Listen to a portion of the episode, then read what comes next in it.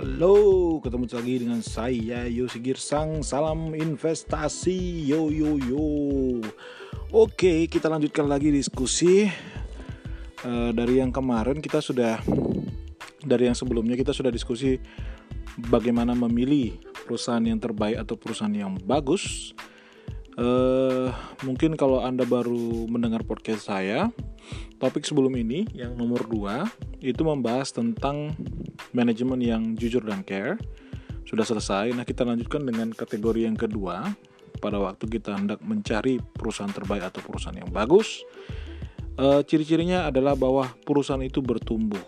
Artinya, semakin besar, baik dari sisi ekuitas atau modal bersih dari perusahaan itu maupun dari laba bersih perusahaan itu harus bertumbuh. Itulah contoh perusahaan yang bagus untuk investasi jangka panjang.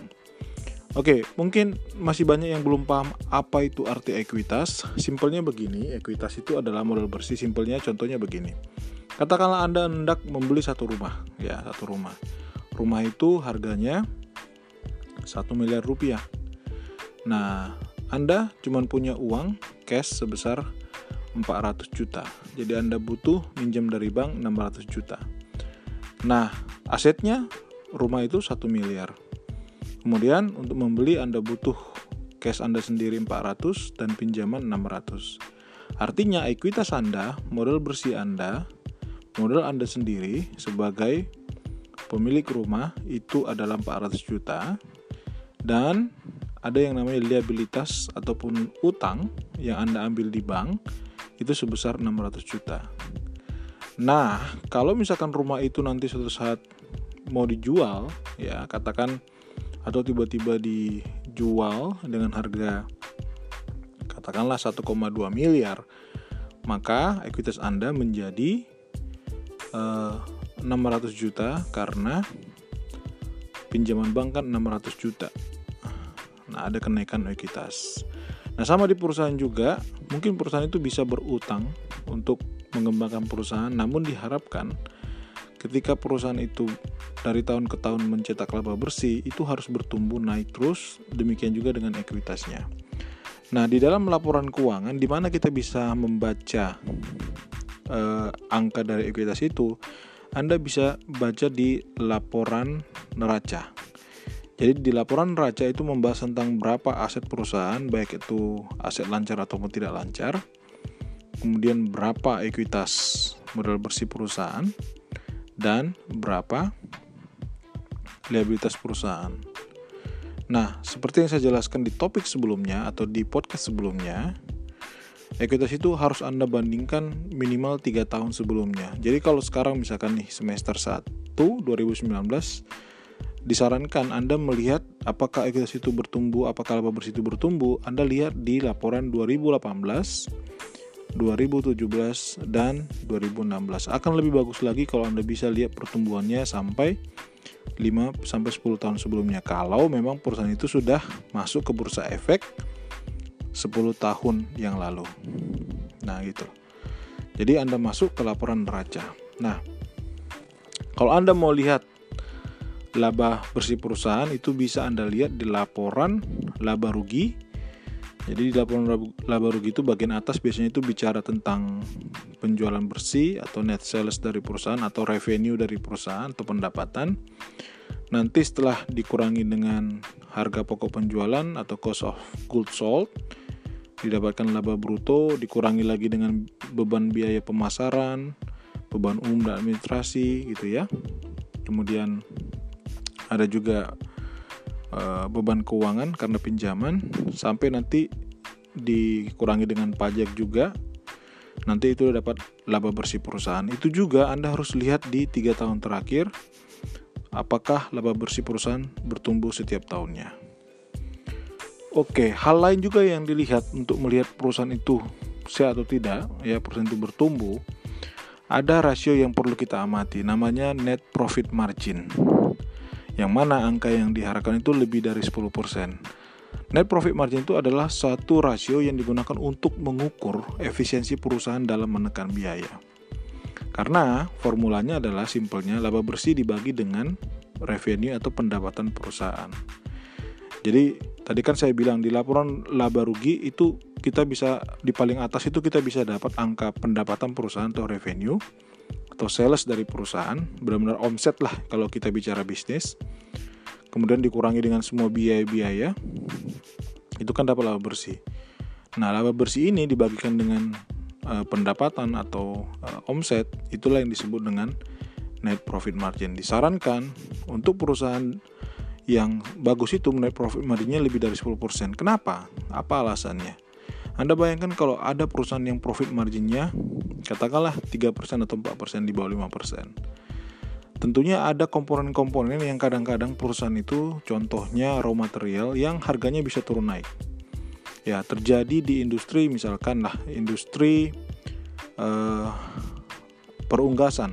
Jadi pakan ternak yang mana untuk uh, ayam boiler itu kan diperlukan jagung dan itu diimpor Nah, kalau misalkan tiba-tiba ada e, harga dari pakan ternak itu yang atau harga jagung itu naik tinggi, itu akan mau nggak mau menggerus laba bersih, ya, atau profit marginnya semakin kecil lagi. Yang bahayanya lagi apa? Bisa-bisa yang awalnya e, ada laba bersih, perusahaan masih menguntungkan, tiba-tiba switch menjadi perusahaan merugi.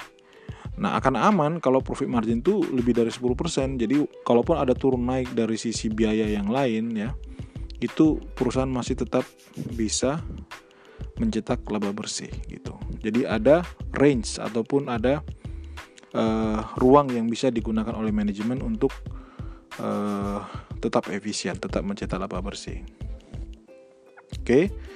Kemudian rasio yang kedua yang perlu kita lihat setelah NPM tadi adalah return on equity ROE kalau di kita uh, singkat itu disarankan lebih dari 15%. Nah, return on equity ini tujuannya uh, digunakan untuk mengukur kemampuan perusahaan dalam mencetak laba dari modal bersih yang dimiliki pemegang saham. Jadi misalkan setiap 100 atau 1000 rupiah yang diinvestasikan oleh pemegang saham, berapa kemampuan perusahaan untuk mencetak menjadi laba bersih. Kalau misalkan dari 1000 rupiah yang diinvestasikan itu menjadi 100 rupiah, berarti return on equity sebesar 10%. Jadi rumus return on equity itu adalah laba bersih dibagi dengan ekuitas. Angka laba bersih Anda dapatkan dari laporan laba rugi, sedangkan angka ekuitas Anda dapatkan dari laporan neraca. Mungkin nanti satu eh, podcast berikutnya saya akan bahas bagaimana cara untuk membaca laporan keuangan. Tapi alangkah lebih baiknya memang karena itu ada hubungannya dengan angka, Anda juga mungkin sesekali bisa join di webinar saya ataupun ikut kelas supaya Anda bisa langsung simulasi. Anda saya tunjukkan caranya bagaimana mengentry hingga Anda punya Excel dari tahun ke tahun untuk melihat kinerja dari baik tadi NPM maupun return on equity. Itu dia. Nah, ada perusahaan yang return on equity tadi kan saya bilang syaratnya minimal 15% tapi tahukah Anda bahwa ternyata ada perusahaan yang return on equity itu bahkan 100% lebih? Contohnya Unilever Indonesia TBK ya contohnya di 2018 dengan ekuitas sebesar 7,5 triliun dia bisa mencetak laba bersih hingga 9 triliun jadi kalau kita bagi 9 triliun dibagi 7,5 triliun, ya itu angkanya di atas 100% dan ini sangat luar biasa. Artinya perusahaan ini Unilever ini sangat efisien. Tapi ini bukan rekomendasi jual beli ya. Karena Anda juga pada setelah Anda menentukan apakah perusahaan sehat atau tidak, itu Anda perlu melihat apakah harga dibandingkan uh, nilai perusahaan itu mahal atau tidak. Jadi jangan sembarang beli. Nah, biasanya dalam suatu seminar-seminar atau workshop saya menunjukkan uh, contoh worksheet dalam Excel bagaimana mengolah data-data yang tadi saya jelaskan sehingga kita bisa dengan gampang melihat dan mem, me, uh, apa, menganalisa tren dari perusahaan ya. Biasanya sih kalau memang perusahaan itu sudah cukup lama di bursa, saya biasanya minimal 5 tahun itu saya taruh di Excel sehingga Eh, ketika misalkan saya mau menganalisa itu lebih mudah ngelihat trennya atau bisa terjemahkan dalam grafik juga atau langsung anda baca di Excel. Nah itu dia yang uh, parameter yang kita gunakan untuk melihat apakah perusahaan itu bertumbuh dan tergolong perusahaan yang baik. Sampai ketemu topik berikutnya. Salam investasi Yosi Kirsang.